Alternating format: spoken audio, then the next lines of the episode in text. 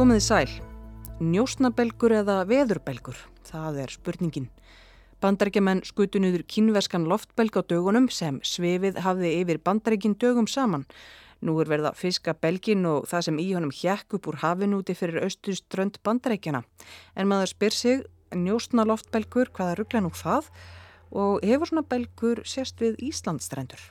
Ég heiti Ragnhildur Torlasíus og í þetta helst í dag fjalla ég um belg, mögulegan njósna belg. Oh, well, I believe it just happened there. That was it. Live, raw, and unfiltered, it appears that that China spy balloon has now been shot down over the Atlantic Ocean. You are taking a live look here. Sérfræðingur segir mögulegt að kínverjar hafi viljað kanna hvar mörkin liggi þegar þeir sendu meintan njósna loftbelg inn í bandaríska lofthelgi. Live, raw, and unfiltered as that balloon appears to be heading downward after it has been shot down.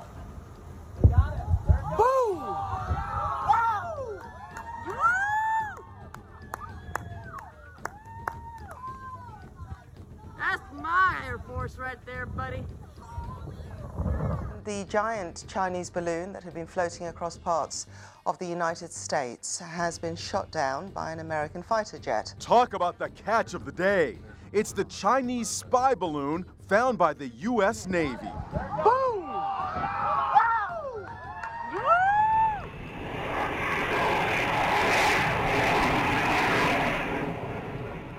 Stærðar loftbelgur sveifin í bandaríska lofthelgi yfir Alaska 28. janúar.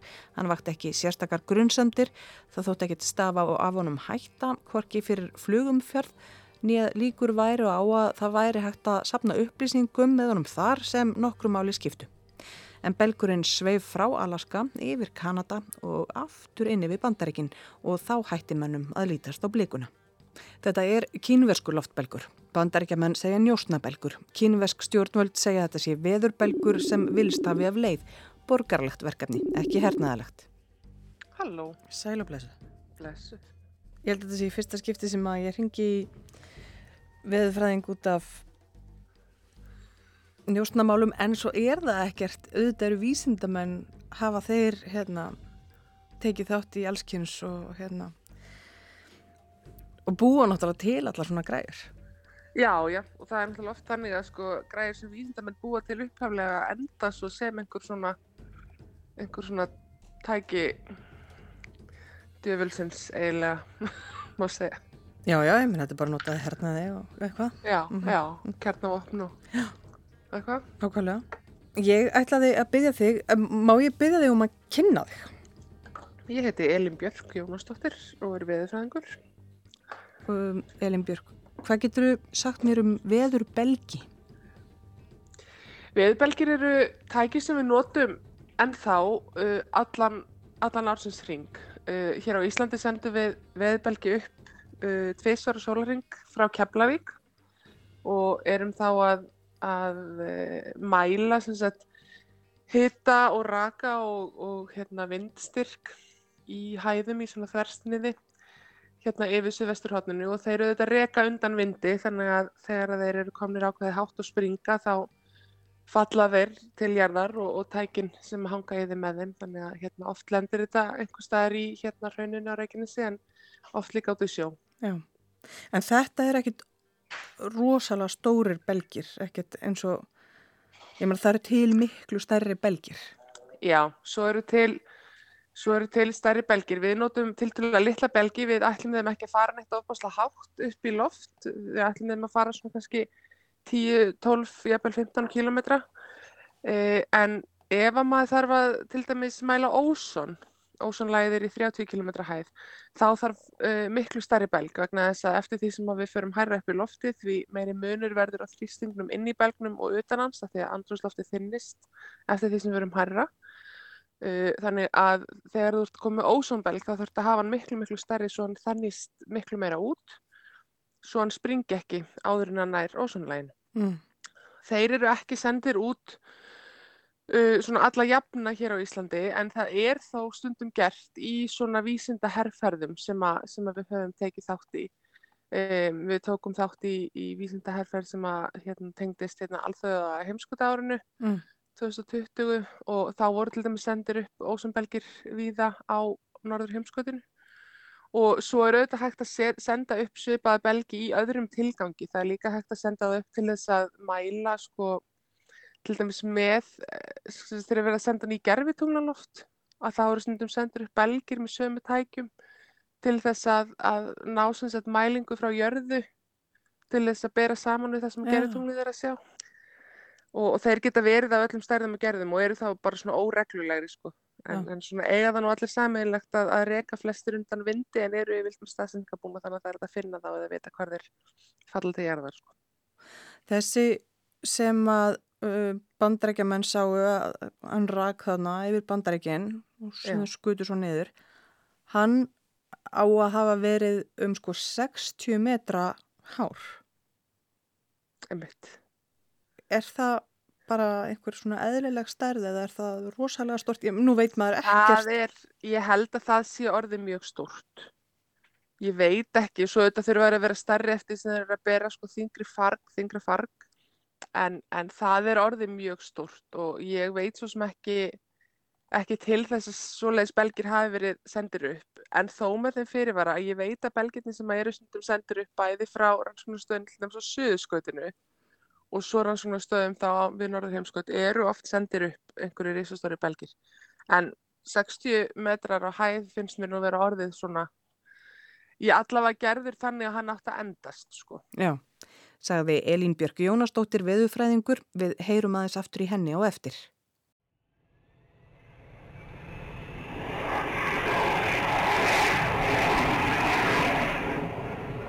Bandarísk yfirvöld sendu njóstnavélar á loft, Lockheed, U2 vélar, til að fylgjast með kynverska belgnum sem sveifi yfir bandaríkjunum á dögunum.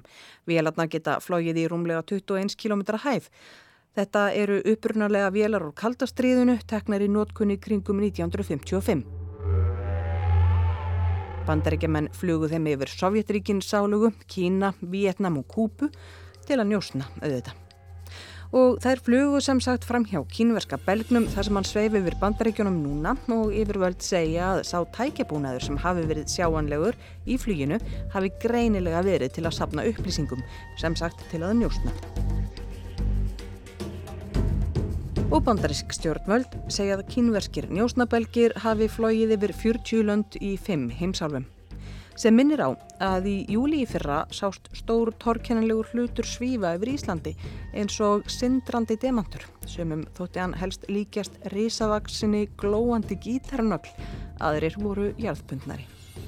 Á himnunum þarna er einhvað ótrúlega bjart sem getur eiginlega ekki verið Venus. Þegar sólun er beint undir þessu núna þannig að það meikar ekki sens Kannski er þetta ný sól. þetta er læginu eins og loftbelgur þegar maður skoðar þetta í kíki. Já. Og þetta bara er þarna. Þetta er sama stað. Þetta er ekki að fara neitt. Hvað er þetta eiginlega? Getur verið þessi veðubölgur sem glóir einhvern veginn í sjólarjósunu? Já, kannski. En hann er mjög björn. Þetta er ótrúlega skvítið. Þarna mátti heyra upptöku af Twitter-reikningi Sveins Orra Snæland og lýsingu á sannkvöldluðum fljúandi fyrðurhlutt sem sást á heimninum yfir Íslandi 13. júli í fyrra. Og samkvæmt frettrúf sást þessi fyrðurhlutur allt frá höfni hórnaferði að Akureyri. Þá var haft eftir veðurstofunni að hún væri ekki með neina belgi á lofti til að kanna lofthjúbun en að það væri ekki óalgengt að hópar vísindamanna kæmu í rannsóknarferðir til Íslands. En hvað segir Elin Björk núna? Manstu eftir því í fyrra sömar að þá sást torkennilegur hlutur á flugi að svona sveif yfir Íslandi? Emitt. Og sko þá voru þið ekki í neinu svona rannsóknum allavega að vera þannig haft eftir ykkur í fréttum. Já, Komst þið eitthvað að því, eitthvað tíman hvað þetta var? Já, já, það kom í ljós að það var rannsóknarverkefni. Nú man ég ekki hvaðan þeim belg var var sleft en það var rannsóknarverkefni. Það var, hvort ánum var sleft frá sko Evrópungstæðir eða, eða Svalbard en það var allavega Evrópaverkefni og það var einmitt belgur sem var gerður til þess að mæla sagt, samsetningu í andrúrslofti og ymsa svona umhverfisvaka og hann var gerður til að endast og, og hrakti bara, sko, hraktist undan, undan vindum og endaði hjá okkur í svona, þegar var, var hérna einhver ákveðin vindátti í lofti, sko. Þetta var sem sagt ekki kínverskur njósnabelgur sem sveif yfir Íslandi í júli í fyrra.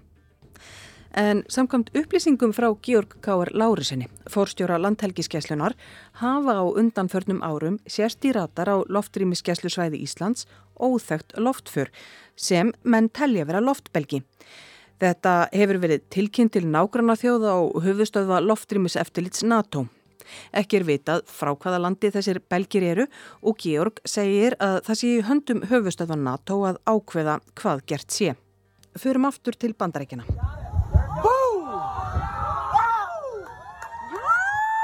Herþóta skaut svo kínverska belgi niður lögadaginn síðasta og nú er unnið að því að fiska upp það sem flöit á yfirborðinu og ræða af honum af grunnsæfinu úti fyrir söður Karolínuríki. That's my Air Force right there, buddy. It's the Chinese spy balloon found by the U.S. Navy. The U.S. Navy coming in with the China balloon. Og það verður forvitnilegt að vita hvað kemur út úr því, hvaða var sem hjekk neðan úr belgnum. En maður veldir því nefnilega fyrir sér af því að Kína er tæknivægt stórveldi sem getur notað gerfinnetti og interneti til að njóstna. Af hverju að njóstna með loftbelgjum? Hvaða vitir í því?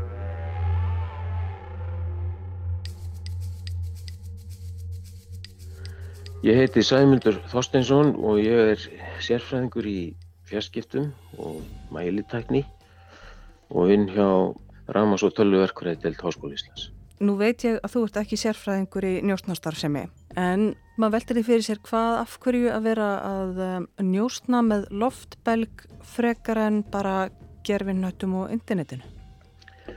Já, það er náttúrulega, eh, væntanlega eru menn sem stundar njóst, njóstnir að reyna að komast yfir eins mikið af gögnum og nokkur kostur er.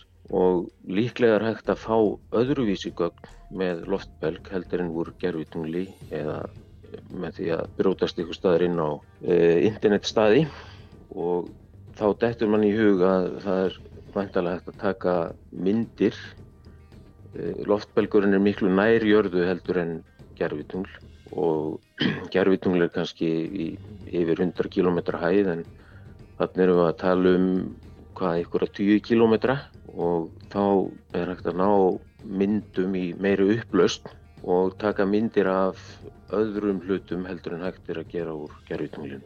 Hvernig öðrum hlutum? Til dæmis bara með því að hafa meiri upplaust að þá nást meiri upplýsingar inn á myndirnar og einn spekulasjónin er svo að þeir hafa flóið þarna yfir sílóin þar sem að bandaríkja menn geima eldflögar jú, jú. og hugsa, ég veit ekki um það en kannski náður ykkurum upplýsingum um það hvort til dæmis það séu eldflögar í þessum sílóum mm. og þeir hafa möguleika til þess að, að mæla líka varmastremi með sagt, innröðum myndavélum mm. sem er vantarlega ekki eins auðvelt í gerfutunglum. Mm. Þannig að e, það er þetta að sapna sagt, alls konar upplýsingum sem eru þá vantarlega öðruvísi heldur en hægt er að sapna úr gerfutunglum. Já, og svo er hægt að hlera líka í raun og veru. Já, og svo eru það náttúrulega fjarskiptin líka. Radiobilgjur, það er náttúrulega dopna með fjarlæði í öðru veldi, styrkur þeirra. Þannig að e, ef maður er nær, þá hefur maður sterkari merki og þá er hægt að hugsanlega hægt að hlera e, fleiri hluti heldur en hægt er úr gerfitungli. Þannig að þetta er ekki bara það sem maður sér með augunum, það eru, það eru alls konar tíðnisvið í, í hérna, tíðnirófinu sem að bera upplýsingar og hægt er að nema. Hvernig er þetta sendt úr loftbelg til síns heima?